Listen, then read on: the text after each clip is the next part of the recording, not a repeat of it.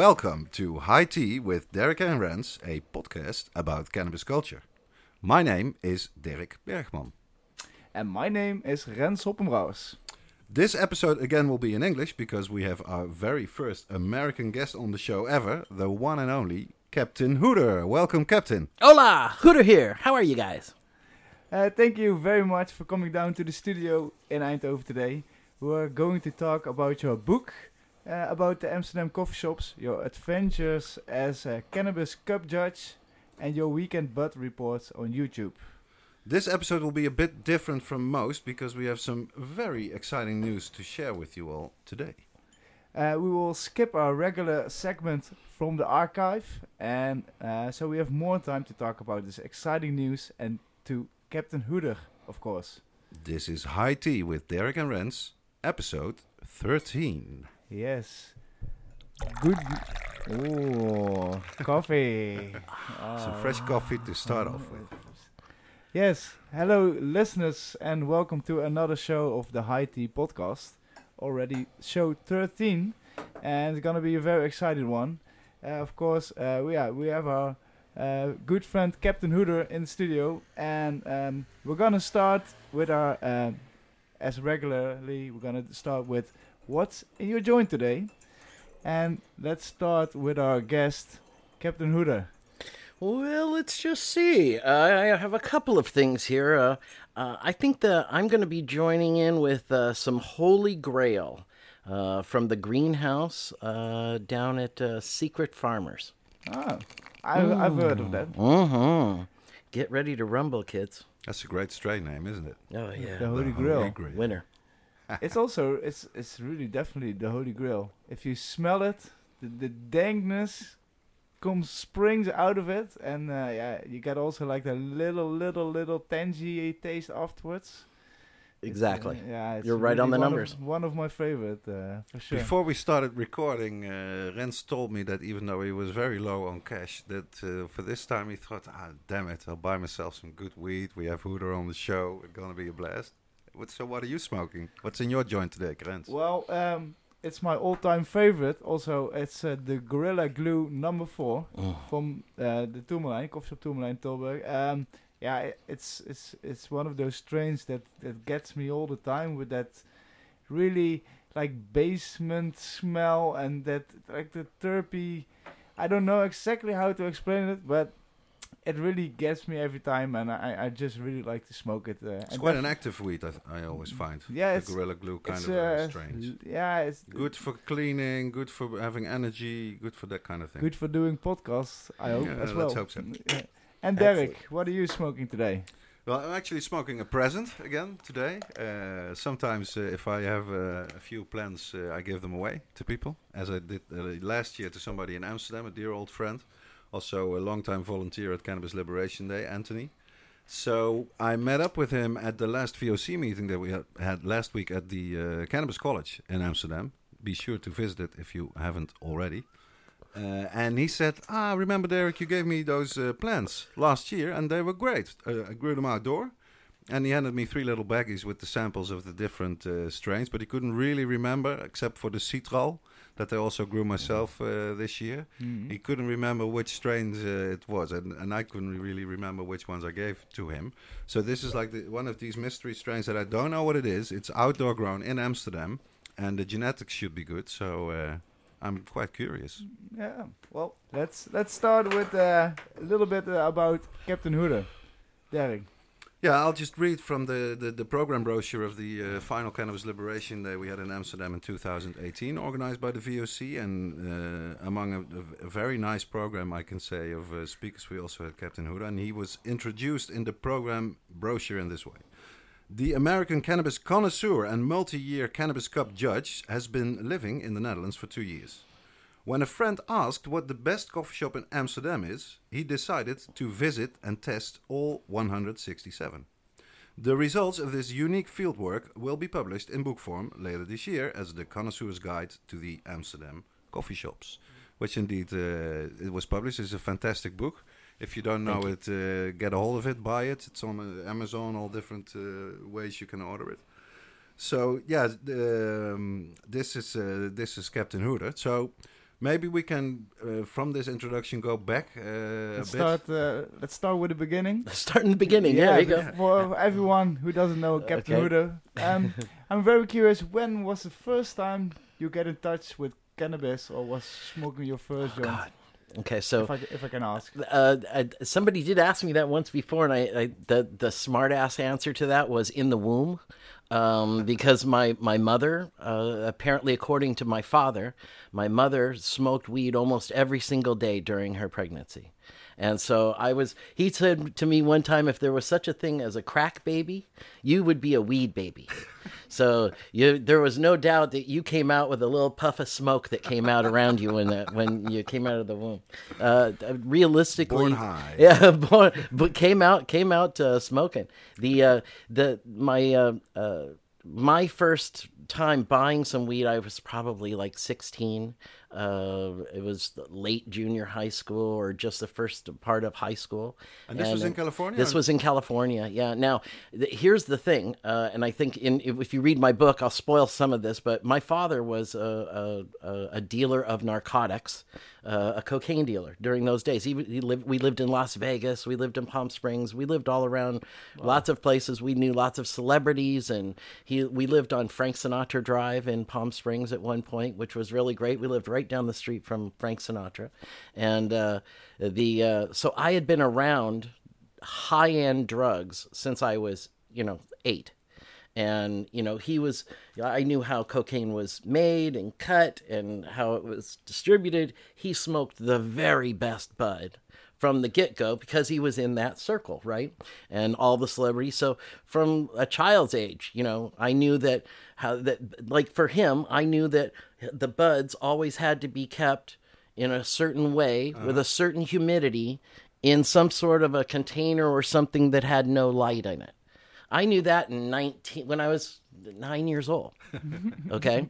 Which is one of the things I've been preaching here is about, you know, how we're how we're going to but I I that was stuff that I learned from him. He had invested in all kinds of things and grow up uh, I saw a grow up that was completely done underneath a tennis court in the middle of the desert and it had light uh, lights on it and everything. And because it was the desert, the grow lights didn't uh, show off, so they turned the lights on at nighttime. And they, they he, you know, I saw some just amazing things, you know, and how things were done and how they were created and the quality levels of things. But then when I started smoking myself, I was almost ashamed. I'm like a high school kid. I bought, and in those days in California, you had a skunk, you had Mexican, you had commercial. Uh, and then you might get something like uh, a Maui Wowie or uh, an Acapulco Gold. Wow. Uh, you might see some uh, a Thai or a chocolate Thai. I still I was like seventeen or eighteen the first time I saw a chocolate Thai. So really hardly any indoor grown bud except for the skunk. maybe. No, okay. So now I was going to get to that because there was a couple of people that were doing great indoor, and and because somebody asked me just the other day, what was the best bud you ever smoked in your life? And I still I go back to like when I was 18 years old. There was a guy that was growing some hydroponic bud, and we used to call uh, call the strain, and this would be the strain or the the cultivar would have been. We called it Pudo bud for no reason other than the fact that the guy who grew it was a computer science professor. Okay. So he was a like a brilliant scientist and had figured out a formula. And I was trying to describe it, knowing what I know now about the bud. I didn't know. I couldn't tell uh-huh. you what the what the cultivar was even back then. All I know is that that it was this amazing buds that always came perfectly, looked like they were right in the middle of a High Times magazine centerfold uh-huh. cut, and they were always a, a even back then the most expensive that you would pay which i think back then was like 60 us dollars for a quarter that would have been uh, seven that's seven grams Okay. Okay, so that was Not back then. bad, but back in those yeah, days, that's yeah, what that was a lot of the money. most expensive back then. Okay, um, and then uh, what was funny is it was hydroponic, so you would get it, and it would be these big fat buds. You'd buy a half ounce or something, and then like a day later, it would be an eighth. right, it would all dry out, Yeah. and then and then you would still get it was still fabulous, but you know it's just that's the thing about hydro. If you in those days and living in the desert also, which has such a super dry. completely different reaction to bud Yeah, yeah. um, which I, I just got through experiencing again. I was just spent two months in Southern California and Las Vegas for the holidays, and uh, I saw the most incredible cultivars from the very best uh, growers in both states, and I saw a lot of dry buds, Uh-huh. uh, especially in Las Vegas. That was the only criticism I had about any of them was the fact that there were dry dry buds. And you know again they're we're putting things inside the the glass jars. Those Boveda packs. yeah, well, they don't put a, but uh, none, not one, not not one did I see with a Boveda pack in it, and that was one of the things on. I did it on one of my shows. Uh, after being in Las Vegas for a week, I noticed that all of my buds were drying out immediately. So I went over to the the Boveda uh, uh, booth, grabbed some of those 62s, put them inside each one of the Oh, yeah. containers, and it made all the difference in the world. And you know that was really interesting is is really getting some of the people still don't really understand how those packets work mm-hmm. and they start to think that it takes away from the buds in some way and they don't understand that it's really like putting a blanket over the top of all the terpenes and putting a blanket over your bud and making sure it's preserved perfect it's excellent especially in in the desert like that Yeah, yeah, of course. If yeah, I- that's that's one thing. What what I noticed like two months ago, I was in Las Vegas Yeah. also at that time. I didn't really. I, I, I noticed the most in Denver. I was before I Mhm. went to Las Vegas. We were in Denver. dry and arid also yeah Yeah, and, and we bought a, a, a nice can, and uh, yeah, we first went to like a, a, smart shop or somewhere, a grow shop, to get a grinder because we didn't have anyone, and, Yeah. and I and we didn't open it yet, so started also searching for that one, and finally we got one, and then we opened the, the can, and it was as dry. Yeah. could- yeah, you could yeah. have done it like dust Like I know. why did we search the whole Mm. time for a grinder if we? But yeah, yeah, that's happened. You know, That- here's that- the here's the other thing, which is something that I think they're you're, they're starting to see a little bit up in Canada as well. Mm-hmm. Is uh, you know, there's such an overstock of product everywhere right now, especially up in Canada, and where they're Mm. That's actually why it's also coming over, of course, here to the Dutch coffee shops, to Spain, maybe even, Sure. especially UK scene where they have a lot of California. I'll tell you, here's the thing: wheat. In California, where everything's regulated, and now it's it's done in such a way where uh, I think I only saw one one cultivar from one place that didn't have a pick date and an expir or not an expiration, but a uh, package date. And I saw some buds that were packaged all the way back in February that I was buying in November Yep. and uh, they were they were dry, you know. But here's the thing: this is again part of the contrast of the world, right? Nobody opens those jars ever. Okay, as opposed to here, where we have these really great. Now we're starting to get stuff that's in jars. But if you notice, in almost all the coffee shops, the bud tenders often will open up any of the jars and let somebody smell one, Absolutely. Yeah. right? It's Oh, still, no, don't do that. that's mine. you just gave away. You're giving away, and- that's one of the things that you know uh, that really happened from from uh, our session at at, at, at uh, the uh, cannabis college was uh, how many bud tenders and how many smokers and how many cool people came up to me after that and really said, "Oh, I've been trying to tell somebody for so long about you know the you're so right on the numbers with this, and and uh, you know how do we get other people to start doing it?" And you know it's been a year and a half, and now there are a bunch of uh, several of the the top coffee shops are starting to switch yeah, over they're to. changing. Yeah, they're all starting to make on their our moves last now. on our last episode, we had uh, Peter Hendricks here, who is very uh, like a veteran coffee shop uh, guy from the south of the country. He runs four coffee shops in the province of Limburg, Mm-hmm. and he said that it was actually his son that put him up to the idea of having these cans that are not glass but are just the metal one, but Yep. they are sealed. You know, Yes. you can open them up, pop them up Uh, like that. sea vent. I think they, they are the ones. yep. And he was quite skeptical about it when his son said, uh, "Dad, we should buy a machine like this for the Canadian and the, the U.S. wheat that we uh, might have." Right. And it was a, it's a raving success. Yeah, People yeah, go crazy, sure. especially because then if you open it for the first time, the very first time, you get this explosion of the terps and of the smells that are really, you know, Exactly. a lot uh, very different from your your ordinary baggie. You know, in, in my opinion, my humble opinion, the there's if I could take all of the best things from all of the different countries and put them into one place. Uh, in, in Canada, every single one of the and, and in California, almost every single one of the cultivars has a jar or something that has a little couple of holes in the top of it.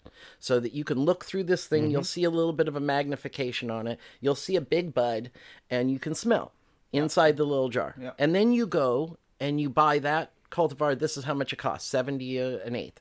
And you get a bag. And, and most of the time now it's either a bag or a little jar and it's sealed and you can't see what's inside of it. That's one of my biggest problems in Canada and in California right now is you can't see what's inside there. And if you look again at the last, you know, half a dozen of those the videos that I did from Southern California and Las Vegas, I had, I didn't get to pick any of those buds, except for the first one, which was the ones that I told you about, which was from my black market uh, dealer who's there. Who, when I walked into his his place, he showed me just it was like oh i'm in heaven. This is amazing. And i mean you- oh it's it's it's it's magnificent. And i mean that was what i left when i first moved here. So i i, I Yeah, felt because like- to me, I mean, what you're describing, the system, like you get in one of these boxes, you can smell a bit, you can look uh, good at that bud that's in there. Yeah. But to me, as a skeptical consumer, how can I be sure Yeah. that what you're getting is actually the same batch? Well, and here's the other thing is that again, now you have to look at these and say what's the date on it? When was it harvested? When was it put into the container? What's the date now? Okay. Um, if you go by, a lot, there's a lot of ranges from different estimates that people will tell you, but they'll say, and, and you, people that are growers know a lot more than I do about this. Um, but I think a lot of them say that the terpenes start to diminish after 90 days and Yeah, then and, and you go and then if your if your if your buds are exposed like as they. Well, often faster. Oh, are in, in in many of the coffee shops uh, that you know where they leave them out for just completely exposed or with the sunlight coming in on it then that goes just watch it go that much faster Yep. um it, it it's it's so so there's a yin and yang there right? Yep. so so i get this really great now these buds have never been touched. Mm-hmm. And yes if you look at these look at the videos i did and compare them side by side with buds that were you know have been touched a lot mm. here in the netherlands versus ones that have never been touched even when they're smaller buds that it's like okay you're looking at fashion models every single time. They're all just gorgeous and you know uh And those are not the Dutch ones. yeah. well, no, and I don't. I don't want to disrespect it because because No, no, no, listen, it's I'm a vastly different system and a vastly different situation for the growers and for the sellers. exactly exactly. We're, we're it's it's it's apples and oranges kind of different scenarios here. And here we have a ton of really amazing artists and and artisans who are just dying to break out and bust out into the world. And I I'm I And go I- legal, go legit. Yes. yeah. Oh, it's a And of course, we have the hashies here. We shouldn't uh, Yeah, forget yeah, about yeah. that. And- you know, and- if you're and- into and it's- it's still very in the world. pretty good in Holland. Yep. And and again, it, Lots of variety. Prices are okay. Absolutely. And there's and you get to pick out the buds that you want. You can pick and choose as you want. That's what I've been doing for the last year. It's the greatest luxury that one of that we have still that, and a freedom that we have. Isn't that isn't that funny? Yeah, yeah. So make uh, make the most of it, people. Now that you still can. Uh, the Exactly. proof is maybe coming. All this Exactly. shit, the experiment. You know, Yeah. the regulated growing. We might get into that later. But um, for those listeners who uh, who, who have been uh, asking themselves, what will be this great, exciting news that the that these guys are talking about? Uh, maybe we could uh, switch over to this this great news, and after that, talk a bit more about. Uh, the, the well the, the the part where you go to Holland and the part where you decide to write this book because I think that's that's all very interesting. Sure. But let's not not draw it out too long and have, have the listeners wait uh, to the very end because before we announce this news. It's great news. Yes. Cannabis is coming home. Uh, Rens and myself, together with a small, uh, very experienced, experienced and dedicated team, have been working over a year on this new project. It's called Growlands, and Growlands will be the first real cannabis and hemp fair in the Netherlands in 13 years, because it was actually in way back in 2007, a whole generation ago, that that, that was the last time that people in Holland could actually visit, an, I'd say, a normal cannabis and hemp fair. Like here in Europe, uh, Spannabis, Cannafest in Prague. Of course, we have lots of conventions like this in America. and in Canada, even in South America. So pretty much everywhere around the world you can visit a cannabis fair, but not in Holland. So this didn't uh, sit well with uh, with us. Yeah, that's true. Yeah, uh, like a year more than a year ago, I I really got frustrated, I guess, uh, because everywhere exactly in the world were like those very nice events, but not anymore in the, in the Netherlands. And uh, I've been working at the, the Cannabis Liberation Day as the market. Uh, how you say that in English? Market dude. The market maestro, the ma- ma- so- Marketing manager. marketing uh, market manager and um yeah i've been I- i've been working with all those companies uh, a lot of talking a lot with companies and after we had those successful uh, uh, 10th uh, edition i really I, I went to to derrick and i really said like we should like uh, get our team together and our effort and our power energy um, to to organize like um, like a thing like Spannabis, uh, but then yeah, yeah like at our, our at our own way, and I uh, we, yeah, and I think we really found a good partner with like the Jaarbeurs because we're Yeah. gonna do it. The venue is superb. I we're gonna say. do it 28 and 29 uh, uh, August this year in the Jaarbeurs in Utrecht. It's uh, it's uh, like a triple A location in the middle in the center of uh, of Holland. Uh, very reachable for everyone with car, train. Yeah, it's right in the center. yeah, it's walking distance from the station. A lot, lots of parking spaces. Really, the perfect place to have any kind of convention, and they are uh, super positive about the project because, like, one of our ambitions with the fair with Growlands is like to show the new face of cannabis, especially here in the Netherlands. So many people they still have like the, these outdated views on, on, on what this plant has to offer. You know, if it's only in the coffee shop, it's only for young people, uh, only for zonked out people, whatever we are, are, are, are, trying to, to uh, show the whole picture from CBD products to hemp clothing to any kind of thing you can imagine that you can see at all these cannabis fairs in Europe. So it's basically a lot of these products I think will be quite new for the visitors, the Dutch visitors to uh, to this event, because we haven't had a cannabis fair in 13 years. yeah, and my dream is like to really organize like a, a smokers paradise. Like if or yeah, not only smokers but cannabis consumers or cannabis enth- enthusiasts. Um, Mhm. Yeah, Yep. Really, everyone who's like a little part, aficionados. exactly Aficionados, a there, part I of, like that. like the plants, uh, are really invited to come over and to check It'll out be a this. gathering of the tribe, you know. We expect a lot of people also and every year to Cannabis Liberation Day, of course, but it's such a broader thing, you know. Here in Holland now, anybody can walk into like a chemist shop and buy CBD oil, different CBD products. So the the bad reputation that, that cannabis has gotten here in the Netherlands, I- think it's really, really changing because of the medical, because of the CBD, because we finally have have a government that's at least having an experiment, you know, with the coffee shops moving in the direction of legalization. So uh, yeah, it's really uh, we can only grow, and I must say the responses that we have from the industry and also from just just the the people in our own network has been uh, they have been very very positive. They all think it's high time to do it now. 2020 is is a perfect year to start. You know, we've we've pretty much are past the worst, also policy wise. Uh, so many new companies, not only in the Netherlands but also outside in Europe. We we could have a fair only with non-Dutch companies now.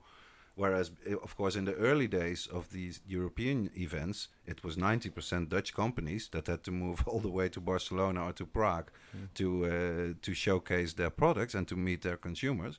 Now they can just go to Utrecht and uh, sleep in their own bed at night.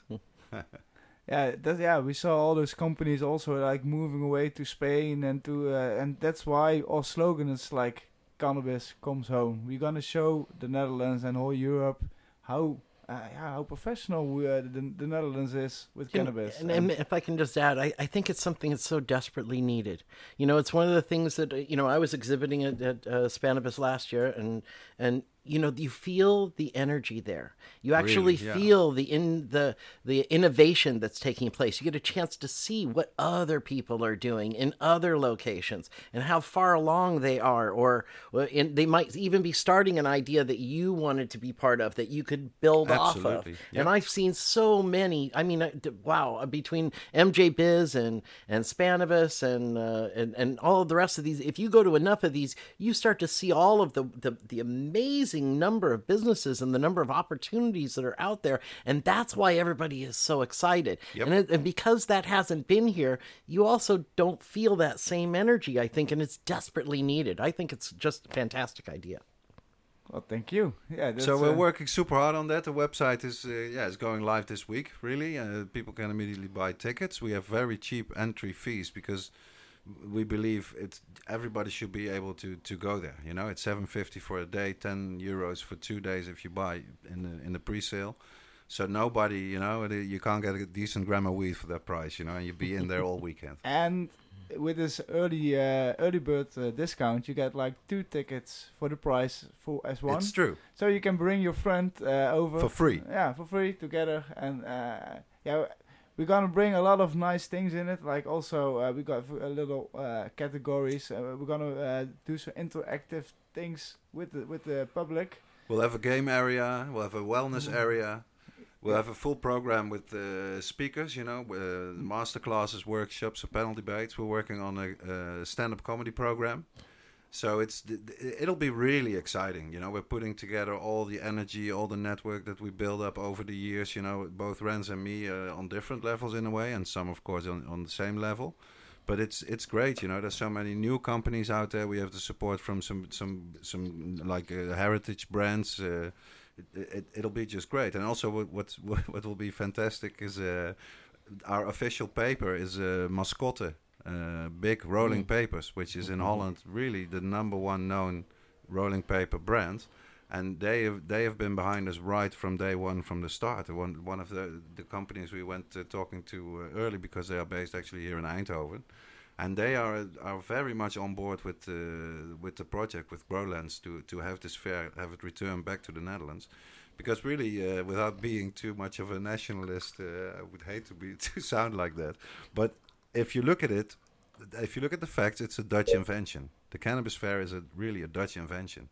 It started here already in 1992, so many years ago, with the first uh, High Life fair that was connected to the High Life magazine, that is still the oldest uh, magazine still running here in the Netherlands. Is also one of our media partners for the Growlands event.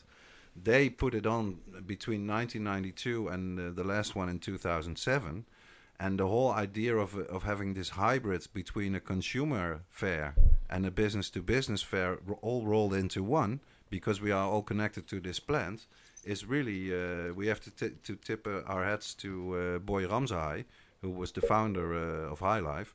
He really made this happen for the first time and I can say that all the fairs is- uh, at least those in Europe they are all the same concept that that uh, Boy Ramsahai developed back in the early 90s So that's why we're gonna bring it back, and I'll invite you guys all to uh, come. Go to the website. It's just simple. Uh, growlands.nl.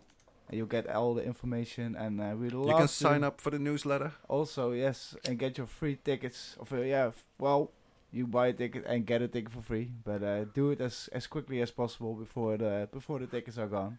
So uh, The offer lasts until 420. yes, but we'll come back on 20th this, of April. on on Growlands. Like I try, we will try to come back on Growlands every month at least to get some new info, uh, to tease you a little bit about the program, um, to give you some new names. Uh, name it and we'll give it to you. And um, stay tuned at least with this project. Back to uh, Captain Hooter, I would say. Uh, so 16, first time that you any bought, yeah, you bought yourself some weed. Sure. Uh, so how do we go from from say there to like your professional life? How did it work there? Okay, so um, let's uh, we'll fast forward to um, let's talk about when I just arrived here. So I arrived here about five years ago. The previous thirty years before that, uh, my wife and I had created and were running a uh, a, a significantly uh, successful meeting and travel corporation that planned professional meetings and events for high end corporations all around the world. And part of what my job was was to find the best of the best of whatever things were in all of these different locations. Not Uh, a bad we- job. yeah, not a bad job. And uh, so we we over the thirty years covered every continent, every great city, every great hotel, uh, every great restaurant, and always searching out. And and we worked for entertainment companies, uh, uh, assorted Paramount Pictures, and for quite a while, and did location work, and had an opportunity again to see how the, the better half lived, the uh, above the line talent, as they used to call it.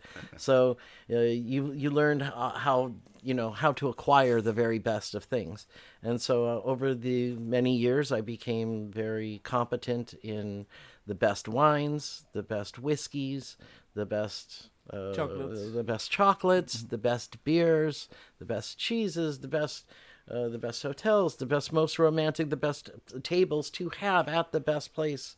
You know, all of those little time, uh, minuscule type of details, and um, so we we do this for thirty years, and um, we decide we're going to. My daughter goes away to college. Uh, we decide we want to come back to Europe and really travel by car and do the deep love of all the places that we love. And so, you know, not just fly in and do an event and then leave again, but come in and and, and so it was a very easy pick uh, coming in initially. we're coming to Amsterdam, and then just before we come here, some article came out that said Utrecht was the number three happiest place to live on the planet. It's a great city. Yeah, it's a great city. uh, And so that's where we ended up landing. And so uh, I'm there for like six months, getting reaccustomed to to Europe and living here and all of the uh, the the changes. And then my father passed away. And so I went back to the United States and I'm there for like a month. And then I came back here and I was trying to decide what I was going to do. And in the meantime, a really great house had just opened up on the Old Verstraat in downtown Amsterdam in a building from 1665 is a beautiful old building and it's right on the front, right? And I'm right across the street, like caddy corner from the greenhouse. Um, all, everything is right there. My favorite Chinese restaurant's right there. Um, sea, that's not Sea Palace. It's a, I forgot what that one is, but you know the ones I'm talking about. Uh, uh, the Domstrasse right there. Everything's right there. And, uh, uh, like right after we moved in, my friend called me from you know Canada, and that's when he asked me, you know, what's the best coffee shop. Now, in between those thirty years, I'd been coming here to Amsterdam, you know, over and over and over again, and I had been going to all the cannabis cups, uh, going back to 1995. So I was here with uh, Ed Rosenthal was here when Jack Herer was here with uh, Chef Ra, uh, Steve, uh, Steve. Uh, The great years Yeah. Oh God, it was Cup. amazing. Yeah. It was. It was funny. I've been to quite a few. Okay, of those. so, quick, quick. I, I don't want to go on too many side tangents, but just No, but one side tangent. good one. Oh God, it was so funny because a good one. you think about because I just read this really big report and it was talking about uh, cannabis smokers and how important it is that you realize that you do not need to hold your hit. When you take a hit, you can just hit the hit and blow it right out. You don't need to hold the hit. The longer you hold it, you're just adding to respiratory things, all these different things, right? So it was so funny because the, the this just came out, and I went back to 1995, sitting on a floor. Um, we're all on the floor because it was just this big giant room, and there's like probably 500 people from California. There's people from uh, Washington. A lot of them were stoners or drug dealers that were just growers who were bringing their girlfriends there. And I'm already in my 40s at that point, or my thir- late 30s. So I felt like I was old there. I'm sitting next to Chef Ra, and my wife is sitting next to Chef Ra. And Steve, um, yeah, we have this bell. If there's a, if there's a name or uh something that the listeners probably or, or m- might not know. So so explain a bit about this character. He- Okay, he- Chef Ra? Yeah. Okay, so Chef Ra was in High Times magazine, and he was the chef, the first guy, I believe, who used to put out uh, regular articles about cooking with cannabis. Yep. From the very get go. And he had all kinds of different recipes and things that he did. And a very funny guy too. Uh, he's a hilarious guy and he comes across as being a rasta. He's dreaded out and he like he's a rasta. And my uh, and, and and he even used a kind of a, a, a sometimes had this rasta thing kind of a of an accent but he was not jamaican uh, uh, which I found out later on, uh, by the way. But I, I still remember the the editor of High Times uh, standing up and Steve Hager. Steve Hager, and he stood up, and this is way back in the, then, and he says, "By the way, everybody, can I get your attention for just a few minutes?" I know because the room was just covered with smoke, and it's he Yeah, you says, could see about a meter. Oh yeah, no, it was just packed full. And he says, "Listen, I just wanted to make sure that you guys all know there's like there's there's scientific studies that are out now that let you know that you don't need to hold your hits, man. You can just take it in and just let it out. You'll get just as high from that. You don't have to hold your hits, man." And it was like I was going all the way back then, and he was like, "That was enlightening. I had never heard that before."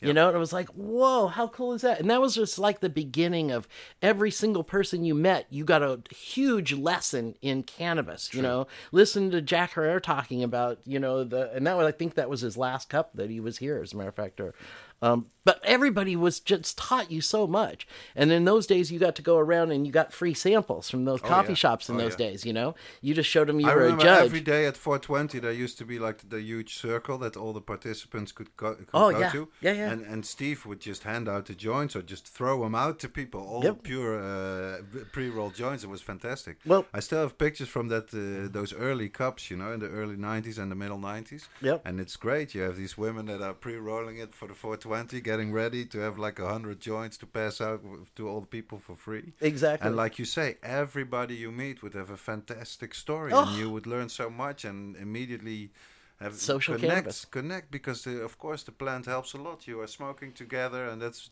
really my love for cannabis events. Uh, I must say, has a lot to do with the, those early high Oh, times cups. I mean, absolutely it's so great to have just people that uh, not only will they not denounce you or frown upon you for loving cannabis so much, they- they're your brothers and your sisters. You know. Well, and, and that's where I learned in those days about being professional about doing this. Yeah. You know? Yep. And it was like I've heard a lot of things about, you know, it's anybody can buy in and be a judge to any of these cups and everything. In some of those early ones, there were legit serious people that were there to judge. I did during the that first one, every single sample that I bought, every single I tried that were all on there, I rolled a joint and I wrote on the side of that uh, roach. And I had a form that I filled out. They didn't give you one. I had a form I filled out and said uh, this was like this one. In those days, I didn't know what I was really doing. I liked the taste, and it got me really high, you know. And we were all smoking just ridiculous amounts. So there's it, there's no really professionalism to it. It was just I was having my own opinions about it, though, right? So There was but, enthusiasm But I smoked. We were there. I was there a week and a half early and left a you know, and so I had a lot of samples. experience, I had a lot of experience, a lot of samples, and I had ended up and at the end of the cup. Uh, White Widow won that year, by the way. Um, I, I broke down all those, and I, I rolled up one giant generation joint from all the roaches, and I wrote on the side of it, 1995 High Times uh, cup last day doobie. That's how long that joint was. I could write all of that on it. And, and uh, uh, uh, anyway, it was a it was a, a fantastic Great time. times, Those great times, but that's So what that, that, that's that why was you the thought premise. Amsterdam and, Right. the Netherlands will be just. So now my dad dies. I come back here. My friend calls me. He says, "What's the best coffee shop?" You know, you're the you're the expert. You know that they all knew, and I said, "I don't know." So, and I figured out how many coffee shops there were. First, I googled to see has anybody ever done it. Yeah. That was the first thing I did, and I looked all over. Has anybody ever done it? No. Okay, cool. So, how many are there? Okay, there's 160. I think it was 168 when I was actually doing it. And, uh, that was before uh, we lost Smoke Palace. Um, and they said, uh, uh, uh, you know, nobody's ever really done this. And I said, okay, so this is how many. If I did f- the laws, the way the laws set up, I can only do five grams a day. True. If I'm going to do this correct, so I would do five coffee shops a day. I could do it, and I I went for about two weeks. I was about two weeks into it, and I almost bailed on the project because I was seeing so many different cultivars and that were called this or called that, and I I really I was smoking and I was testing. I was taking photos of things, and I was going. I'm I'm not comfortable with this. I don't think that I really this is this is I'm I'm seeing things differently that maybe I don't really know enough about what I'm doing. Okay. And literally at that point was considering just quitting doing it. Um, also, I wasn't really spacing. what points? Uh, I was about two weeks in. I was uh, I, was just start. I was like two weeks in. So what I- makes you like? I, I was not. I'm not I was doing it wrong. I, I just knew I was doing it wrong. I because I'm you can't smoke five times and and, and Ah, start at ten on the o'clock in the morning. Yeah, because I'm going to each of these coffee shops. I'm buying one gram of Okay. whatever the very best is. I'm doing the exact same things, just like you would do in a Michelin restaurant. Yeah. And then if they have a place to sit down, I'm sitting down. I'm having a cup of coffee, and then I'm going to roll a joint, or I'm going to take a pipe hit. I'm going to take But a you picture. you did five a day, I was when I first started. I was doing it's five a day, and well, yeah, it was. And, even and- if they're close together. yeah, it, it was just it was it was too much, and I was getting the information, but I didn't think I was doing it legitimately enough for me. Okay. And plus, I was seeing strains that didn't make sense to me, Hmm. and that was what was really throwing me off. And that was when I, I found uh, Max Montrose at the uh, Trichome Institute, and uh, uh, I contacted him. I literally said, "This is what I'm doing." Uh, you know, I'm I'm working on this. I'm really screwed up.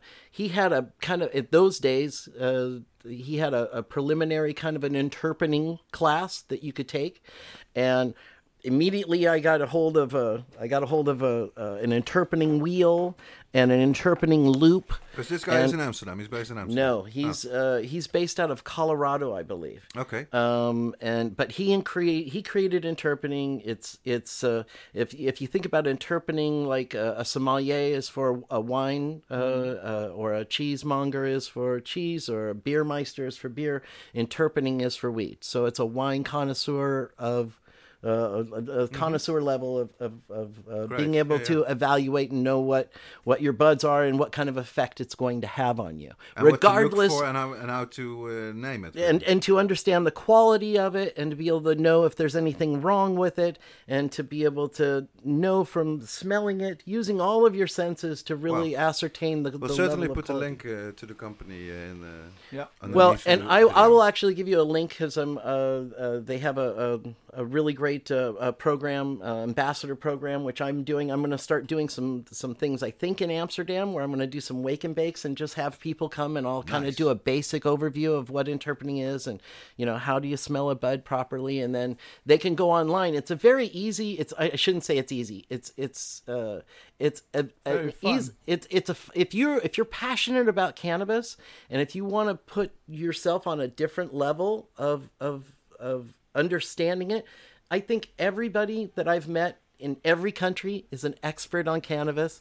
and every grower that i've met grows the very best weed that you've ever seen in your life Yeah. we all have levels and I i, am all them too. I am just I am I am a, I am a humble student here. Uh, the guy who runs the place, and you can Google him is Max Montrose.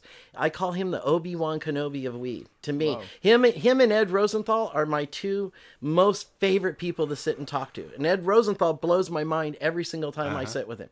There's something completely different. He comes from another left field, and he is brilliant.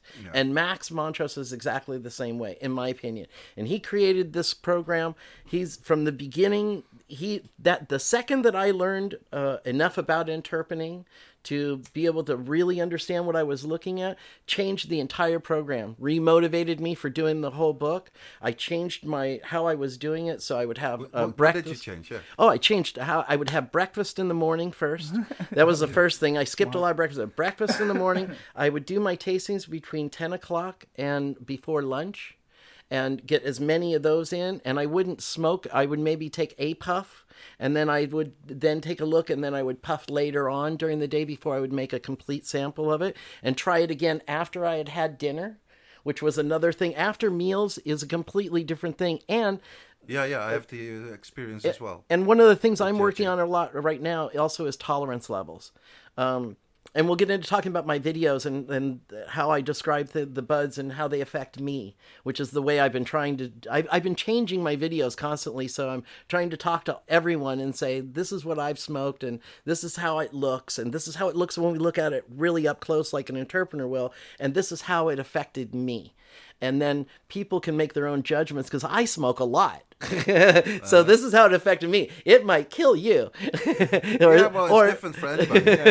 if you haven't smoked a lot, thing. this will cripple you. Yep. But I don't want to say that um, because, again, I've now had uh, different viewers and fans who've come to me from the book and say, I listen to you and watch your shows and stuff. And now I know what your level is because I smoked some of that afterwards and I saw how it affects me. So now I have a gauge and I know when you talk about something how it should affect Yeah, me as yeah, well yeah. Because it's different for everyone. Of course. So anyway, that was how we got to the part of the the, the uh, Max Montrose saving the book. So then I go in, I I went and I wrote the book. So uh, after I went, I went to every single one of the coffee shops.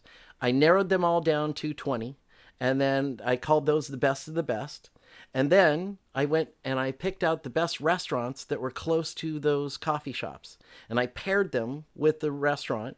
And then I set up structure for how you are arriving to Amsterdam.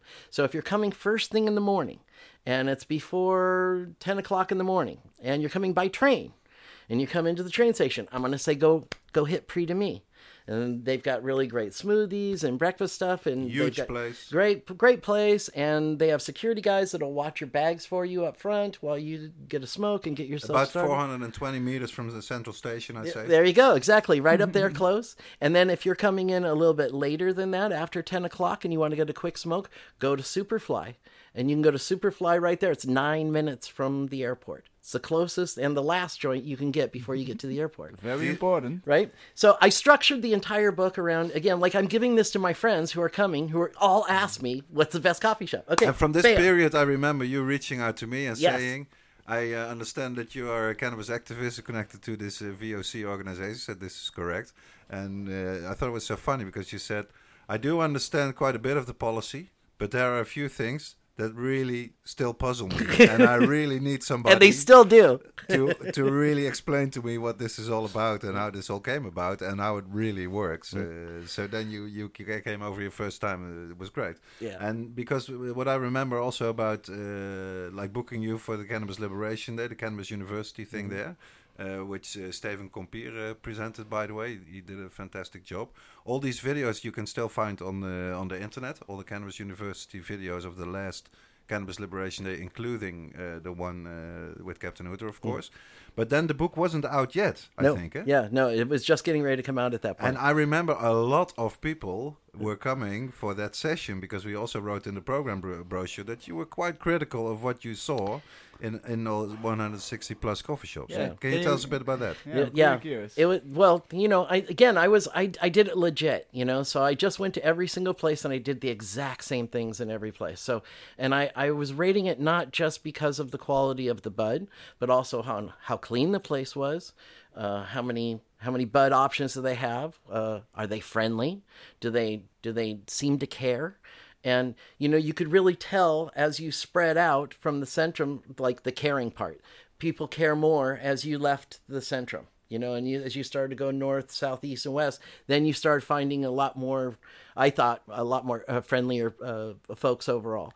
Um, but the bottom line was that I, I was I was scared um, when I first walked in at how um, touchy everyone was with the cannabis. It was the first thing that really affected me, and I went, "Wow, I can't believe that I didn't recognize this before." Because even in those days in California or in almost any other place up in Canada, anywhere else, nobody used their fingers, all of their fingers, to touch the cannabis. At that point, already, those markets had evolved enough that they were treating the cannabis like it was a very valuable product. And it and is. It, and it is. But but I'll just give you. A, this is kind of like a, a an ex, an interpening tip.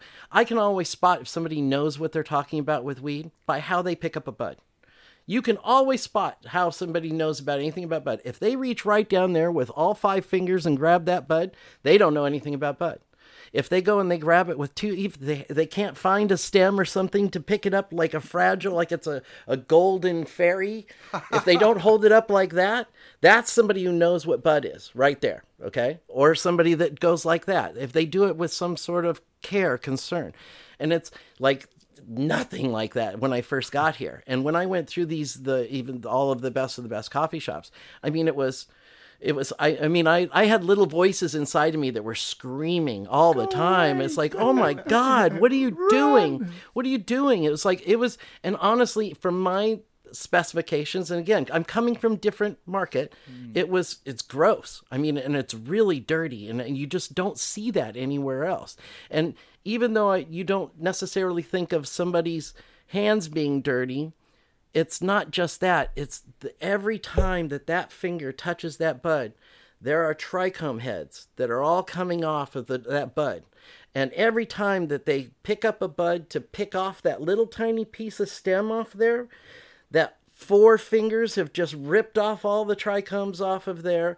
Plus they picked it up and shook it a couple more times. So all of those trichomes go down into the little plastic bin where it a- accumulates around the edge of the thing and that is the best part of what gets you high and it drives me insane it's like what are you doing and and, and that You know what I think, Captain? is that uh, this really comes from uh, you have to know where the coffee shops came from. yeah And when they started, of course, Oh. in the early 70s, yes there was hardly any weed. yeah It the whole game was foreign hash. Yes. You had a big slab. oh yeah Some people were innovative, like Mellow Yellow, Wernard oh yeah yeah having pre-packaged, uh, you know, little baggies where you had like one gram of that uh, hash. right But to handle hash is a very different thing completely to handling bud, of course. Sure. And the bud we had in those days, because I'm a veteran by now Yes, as well. Yes, yes, yes. You would have some Colombia and some Thai. It was all brown, pressed together like brickweed. Mm-hmm. yeah Yeah, it's not. You ain't gonna do much harm to that. Commercial, you yeah, commercial, The yeah, commercial different- yeah, So everybody would just go for uh, hash, and really the the Dutch wheat, the native wheat, the indoor grown uh, bud, Mm-hmm. it only came about in say the middle 90s and got popular really only from in starting in the early 90s right so yeah Well, and I- I've lived think here lo- that's that's that's why people were so used to you know yeah just have a plastic box for Sure. it. You have a big chunk of hash in there. You get it out all the time. There's no problem but of course with birds, it's very different but they don't know Well, and you know, I've lived here long enough now to understand all of the cultural aspects of it, and you know, the importance of the, you know, the how the whole element of picking the stems off of, uh, and I, I I get all of that now, and I understand it. I just I'm never going to agree with it. You know, it, it it's hard. It's hard. You know, my father crusade. my father taught me a really great thing. He says, and, and I and I don't want to be critical, you know, because uh, he he taught me something very valuable. He says, you know, uh, you can go to one of your friends sometime and you can tell him, you know, uh, uh, have you ever had a a, a, a great filet mignon steak? They're the best steaks you have ever had. They're tender. They're all these. But if your friend has only ever ate Big Mac hamburgers as being his meat his whole life, and that's all he's ever had. They have it every Friday night, and they're used to it, and they love those Big Mac hamburgers. You can't tell anybody else that this filet mignon is better than the Big Mac until they actually have the Big Mac, and it, you know that's or until they have the the filet mignon, mignon, right? yeah. Okay, and and and I totally get that, and I, I one of it's one of the reasons though, um, especially from these bud reports that I've been doing. Okay, so let me, let's backtrack, and well, this will lead nicely into my bud reports. So, so after I wrote the book, I do the book.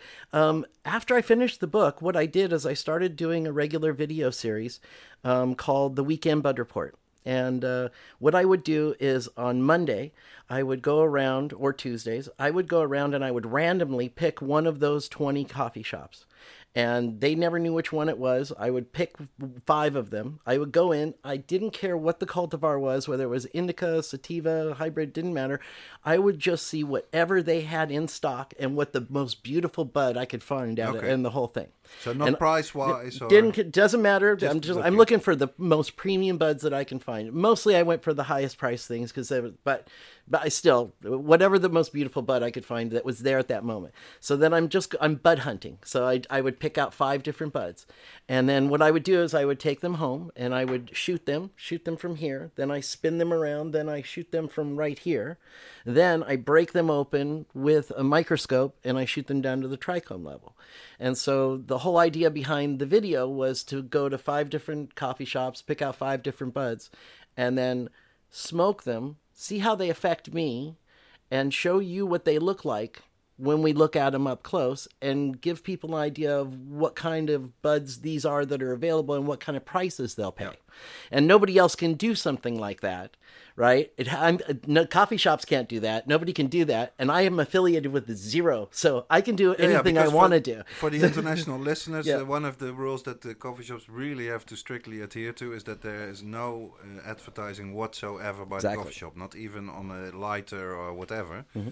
uh, let alone on a video show, uh, whatever. But of course, if someone else does it, Yep. then there's no problem because it's not the coffee shop advertising themselves. Exactly. And I can do it because I'm the author of The Connoisseur's Guide to the Amsterdam Coffee Shop. so Oh, I am don't have a simply demonstrating. Yeah, you don't have a commercial interest with any of the coffee I, shops. exactly. So I'm just demonstrating my expertise at picking out the best Yep. buds in the best places. It's all legit. Exactly. So I'm able to do that, and I did that for a year. And then uh, every single week, I'd publish the show. Tried to publish it on Thursdays for the people that were arriving for Friday, Saturday, Sunday. So Convenient. it was a weekend bud report. Uh, and then I took it to Barcelona, and I did a couple of weeks in Barcelona. Then I've taken it around to several different cities all around the Netherlands. Let's And- not skip over this because we are going to Barcelona next month. Oh, yeah, yeah, yeah, yeah, yeah. What will be your top three then for, for the clubs that you saw in Barcelona? Oh God, Budweiser. I, I love HG. I think that that's a really great spot. Um, HQ. uh, HQ, sorry, HQ. Um, I like the plug. Uh, the plug has got a great vibe for me. Um, always has. Plug is great. Um, I there's um, what was the other one that I really uh, Doctor Do Do D O U Doctor Doe, Do Okay. Doctor Do, which is a, a is that's a more of a neighborhood. Uh, it feels like my my neighborhood spot, and there's like a cool swing, and there's a backgammon set, and all kinds of really cool things there that I really had a great vibe that didn't feel like check it out. as big as the the other ones, you know, because great. Yeah. HQ is awesome though. And we, we, we also like to visit like a few like really known notable social clubs like in, indeed the Plug, uh, La Calada, The Backyard. uh, the backyard. Yep, yep. But I can also advise people who's going to Barcelona, or maybe I shouldn't, because then it's still a secret spot. But uh, I love to go to uh, Tierra Verde. It's Which one? Tierra, Terra Ver- Verde. Tierra Verde. It means green a- earth. Oh, yeah. Green Earth. Green and earth. it's a really They small. have two spots. Yeah, it's Mhm. two small spots, really local. You- Okay. You, barely see any. You walk past them. Yeah, also, yeah, oh, but you you barely see No, any uh, Spanish or uh, non-Spanish Yep. people in there. Mm-hmm.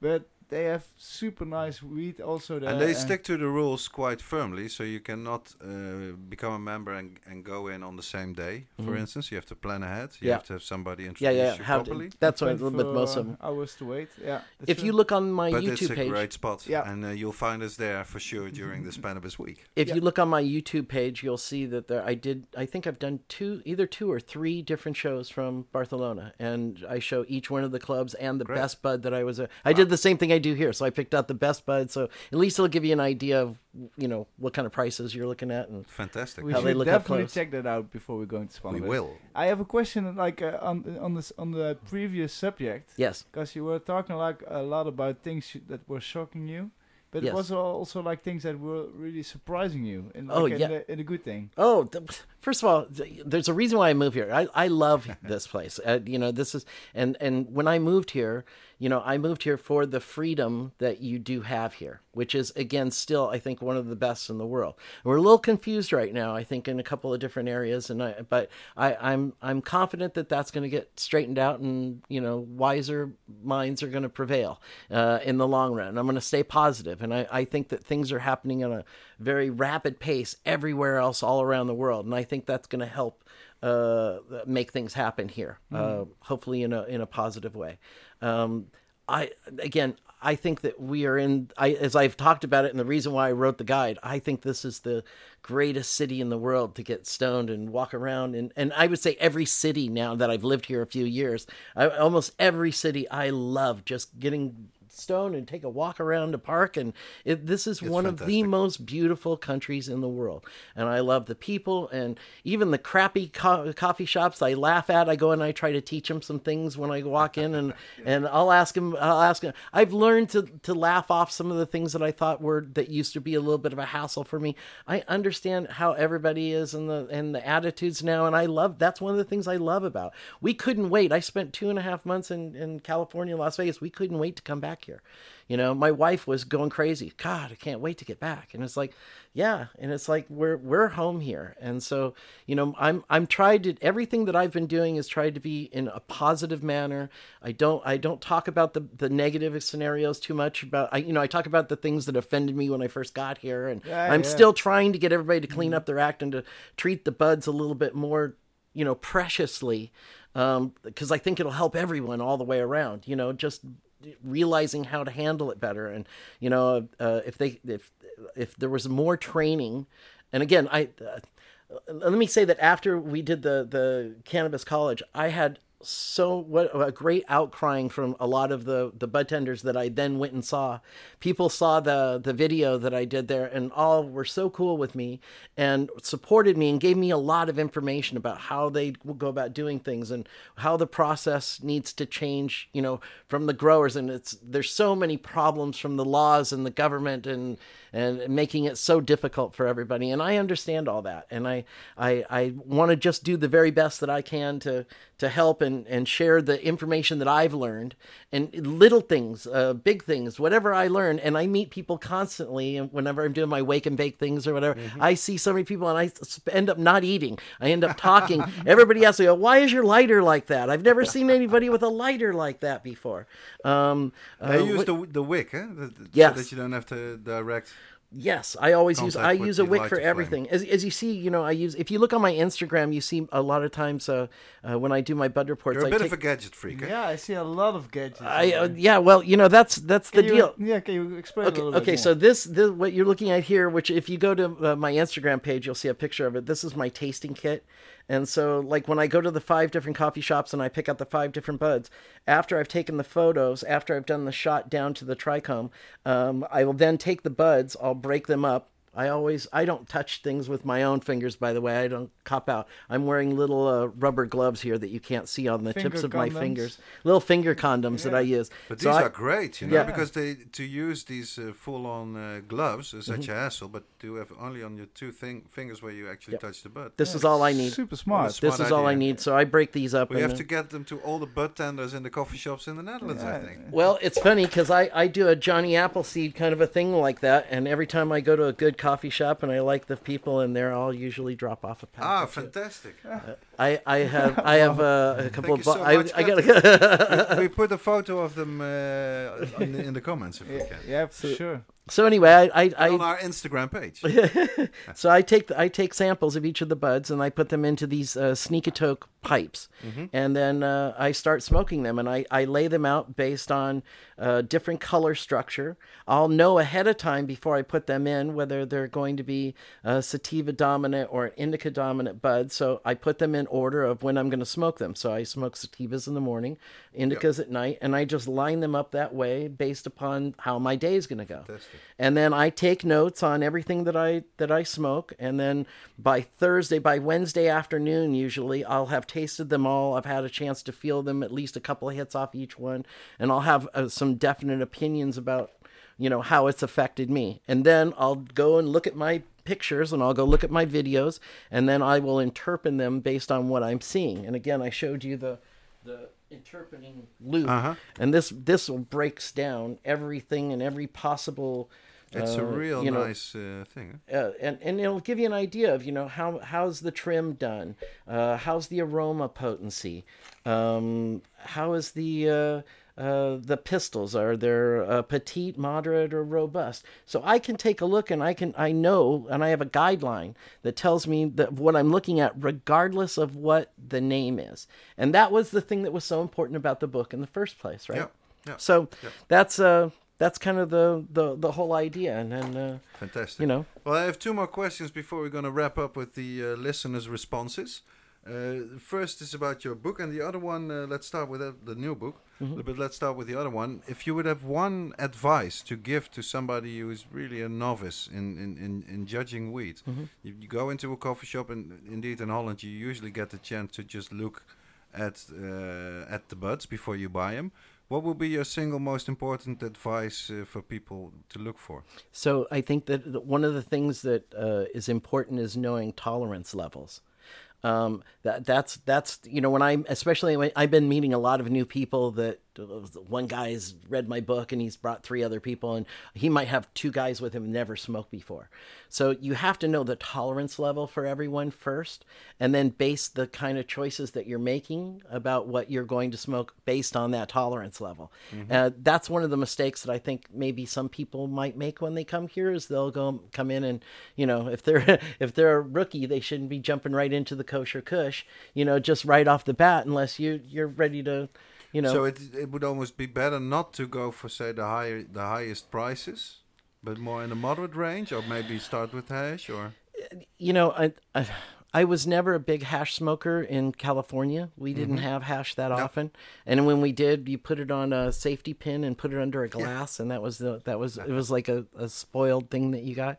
Um, I've learned a great deal about hash since I've come here, and and I've been given some a great education, and I think that again, that's one of the great specialties of this region that you have to really you know promote as much as possible because it, if it's one thing that isn't a huge deal anywhere else it is here and it's mm. it's such a wonderful opportunity. and one of the things of course with hash if you say if you talk about new uh, new people uh, not having much experience with mm-hmm. cannabis it almost always has a, a higher cbd level than sure. any kind of a weed strain that you can get. Sure. And so if you talk about any kind of a, of a negative reaction to it, some paranoia, you probably won't get it with the hash because right. there's a lot of CBD in there.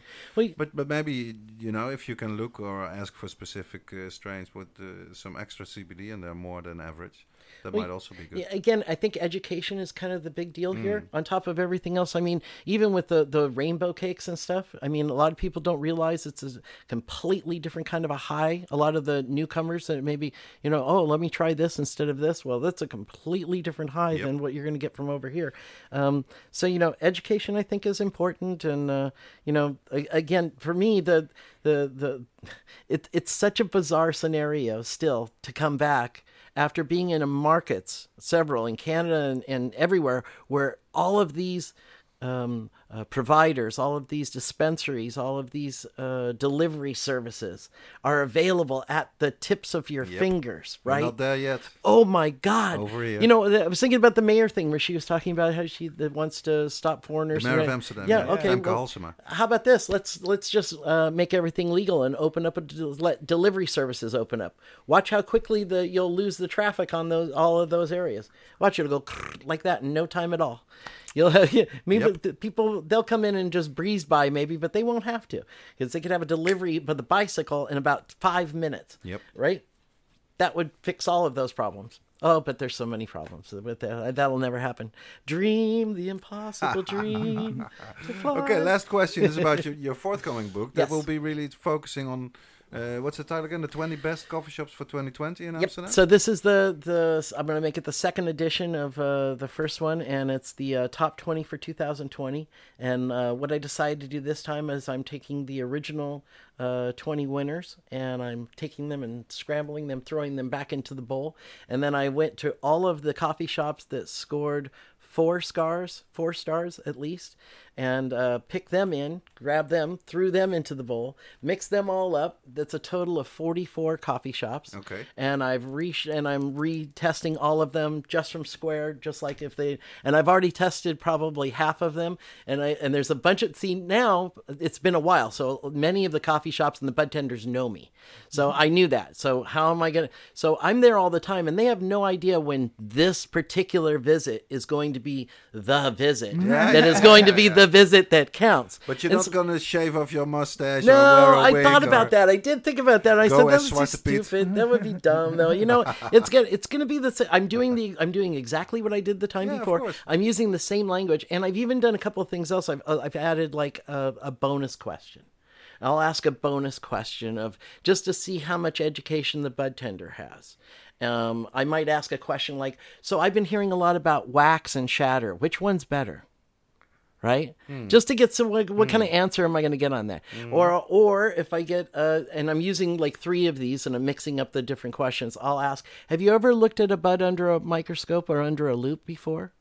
Just as a question to find Yeah. out. Have you that that's just another level. Hmm. And again, to me, I think every bud tender should be educated enough Oh, yeah. to have looked at a bud under But there are some courses that they actually do follow, Yes, and, and uh, there's- you know they, they do learn some stuff, that, and, and it wasn't like that uh, before. and so let me just say that since I wrote we're the moving book, forward. boom slowly. it's been oh no no no i there's been so many really great stories and and i've seen with my own eyes i was just up in uh, uh at uh, yanks uh, coffee shop Mm-hmm. in Zandvoort. uh, in Zandvoort. all of the the uh bud tenders were wearing gloves Wow. all of them Yep. were wearing gloves and i was i walked in i went oh my god boom boom boom and i believe one of the reasons why is they uh, i think uh, one of the people from there or the owner from there was Mm-hmm. in uh uh, Las Vegas or went to Las Vegas for Yep. the MJ Biz. And you know when you have a chance to see the you know that's where that's what's happening to the industry right now. And that's the Yep, next know, level. It's- Cannabis 2.0. Yep. Totally. And and and you know this is that that's obviously a man who's thinking to the future and he's he's uh he's making the right kind of decisions. okay. Yay, yay. Well, I think we uh, it's about time that we uh, go over to our last segment of this uh, episode, the, the listener's response. I'm not sure if you uh, if you picked a winner for this episode uh, already, Brent. Uh, well, Did you? um, I did. In the meantime, I did. I was. Uh, um, we have like from the beginning a really uh, a- person who is following us from the yeah from day one, and he's always uh, asking very good questions. Okay. Um, uh, I'll, and I'll just pick his last question, and it's from it's Leonor. He's from Bitcanna.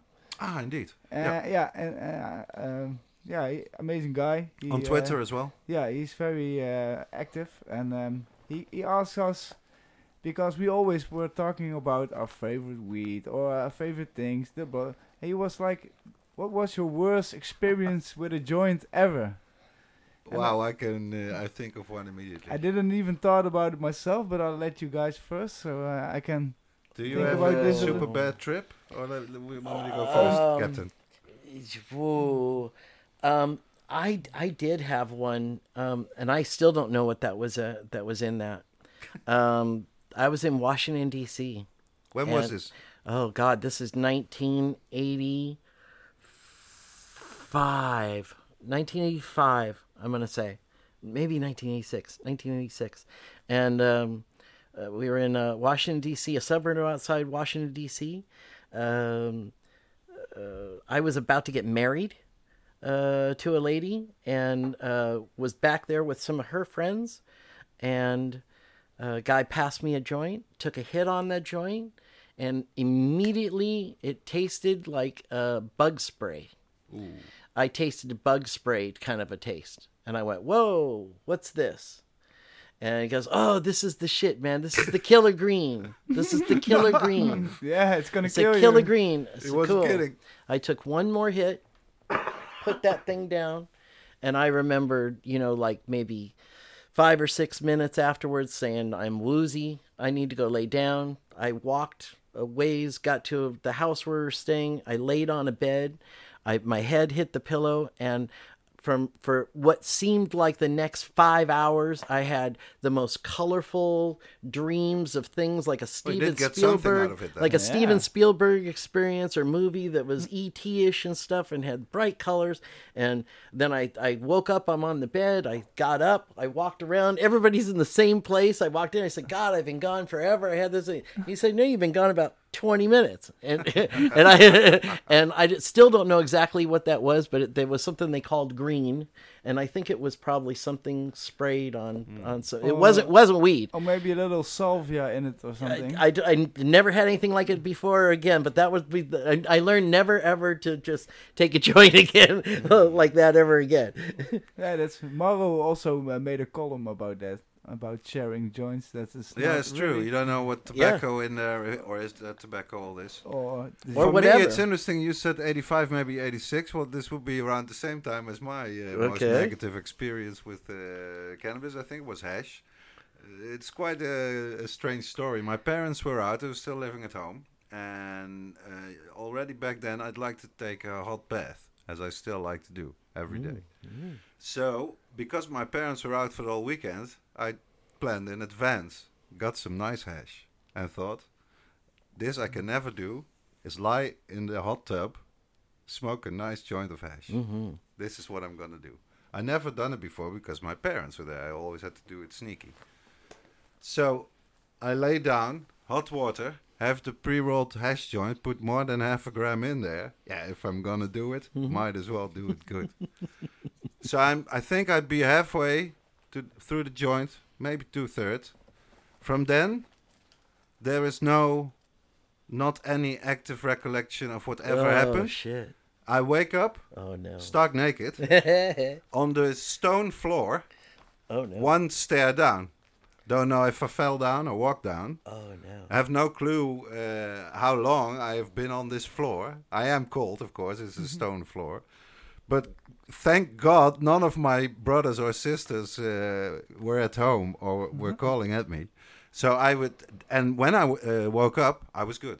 You know, there was no problem. Uh, In a minute, I sort of understood this maybe it was a bit, a bit much I put in there. And for a long time, I thought, hmm, maybe the ultimate like bodily relaxation that you get in a hot tub, and if you add the hash on top there, it's too much. You know, you pass out. So uh, for a long time, I, I didn't do the combination. Whereas today, I can, I can tell you, Rens already knows, it's my start of the day. I take a hot bath and then I have my wake and bake moment uh, after breakfast with my first coffee, and it's just a fantastic combination. But this was uh, a bit of a negative one. How about you, Rens? Yeah, I really had to think about this, but yeah, I think I should uh, tell a little story about my worst experience with cannabis. Indeed, well, worse. It wasn't worse. It was pretty heavy, I'd say. We want only the worst. I was I was on a holiday with my uh, ex girlfriend, and we, we we came home after a really long day of flying, and uh, we fly, fl- fl- uh, we flew in the night. How you say? Fly? We flew. Flew. we, we Flew. flew, flew in Flew. the night, and and we already uh, I was already wake up from from eight o'clock or something. So it was a really long day, and I came home around six o- six o'clock in the morning, and yeah, my my my girlfriend at that time went to bed straightly, but I had uh, a little jar with my autoflower uh, that was uh, dried and cured, Mm. and I was dedicated to smoke a little joint before I go to bed. Mhm. As you do. As you do. As, As I, you but do. I was away from uh, like two weeks from home. I didn't smoke for Ah, two weeks. okay, okay. So I did. I, I, my my tol my tolerantie was Yeah, your uh, tolerance level it was very- zero. was zero. I was super tired. Uh, everything was not really the best moment to roll a very big joint because yeah, I'm home. A real wa- hooter. Yeah, a real hooter. And uh, yeah, that was the first moment I realized like, whoa, it's it's uh, really affects your balance. Because at the moment I wanted to go to the bathroom, I just couldn't walk. I just fell down, and I was like, "What?" And, and really Mm. didn't realize what happening. Your girlfriend slept through it or what? Yeah, she didn't hear anything, but That's a good thing. yeah, but I really had to crawl to the toilet, and then God. I like, okay, this is I then I'll, This I is no go, fun. I go to bed, but that yeah, that was my heaviest experience, and I never really had the experience after because the day after I smoked the joint, it Always wasn't good. because it was so heavy. I was so tired. I had to go to sleep immediately, or at least eat something. Ah, of course. But I didn't do anything. Sugary drink, Yeah, and that I learned. Uh, uh, at, some outdoor. yeah, I, I'm glad I was home. I was Yeah. alone. Yeah, yeah, yeah, of course. Nobody noticed. Yeah, but it's the I same with learned. me. I learned the hard way. So uh, If only for this question uh, by Leonor, nobody would ever know this experience that Mm-hmm. I had. Uh, but thank you for the question. You win the book. yes, The great book by Steve Fleur. Humboldt Green Gold USA. Great pictures inside, also some some good information there. So we'll send one out to you, Leonor. If you want to win a book like that, uh, you can comment. Also, uh, the international audience, of course, because this is our second English language uh, episode. The uh, other one with the bag lady, we can uh, totally recommend it to you. It's a hilarious episode. Crazy bag lady. I love her. She's the See? best. Yeah. We all love her. God, she's great. uh, thank you, Captain. Thank you guys. This was fantastic. I really appreciate it. And you know, again, thank you for for everything. I mean, right from the very beginning. I mean, I I you gave me some really important information right when I started this little stony little adventure that that kept me on track and and you know again, just thank you. You without you a You're lot of very this couldn't happen. So Uh, Um, before we close, I want to ask you one last thing. Yep. Which guest would you recommend uh, for us to be uh, on the High Tea podcast? English speaking. We'll narrow it down a bit. Okay. Um, I'll tell you what. uh, I'll, uh, he can't, I can't get him here. If I could get him here, it's got to be somebody that's here, right? Yeah, or coming over to Spannabis because we are planning on recording. Yeah, some we're stuff taking there our for the High stuff Tea with podcast. us. Um, uh, you know who's going to be here? Jonathan. Mhm. Uh, Jonathan Hirsch. Jonathan Hirsch is a uh, a cannabis professor uh, in Toronto, Canada. He is a brand ambassador for Boveda. Mhm. He is a uh, master creative joint roller who rolls giant, amazing, Okay. multi-thousand I, I've heard joints. Of him. I really He heard is of him. Yeah. a Instagram Yeah. god. He is in two of the last articles that I've written for Cannabis Culture magazine. You'll see he's actually on, on the picture He's on, on the our cover. list. He's on our list okay. now. Uh, and I believe he's coming here in uh, uh, in in May, and he's going to be here for the uh, Jack Herer Cup. Ah, okay. Oh, wow. Well, that's a good moment. Great tip. uh, yeah, Okay, great. That's Thank that's going to be that's much. going to be my tip for you. Exactly. Then we will close this podcast off. Uh, thank you very much all for listening, and uh, I want to thank. Don't Eric. forget to visit uh, www.growlands.nl Yeah, yeah. for the fair. I want to in see you all at our festival uh, fair, and uh, yeah. Thanks for thank- listening. Thank you. See you next time. How do it? Bye bye. Bye, guys.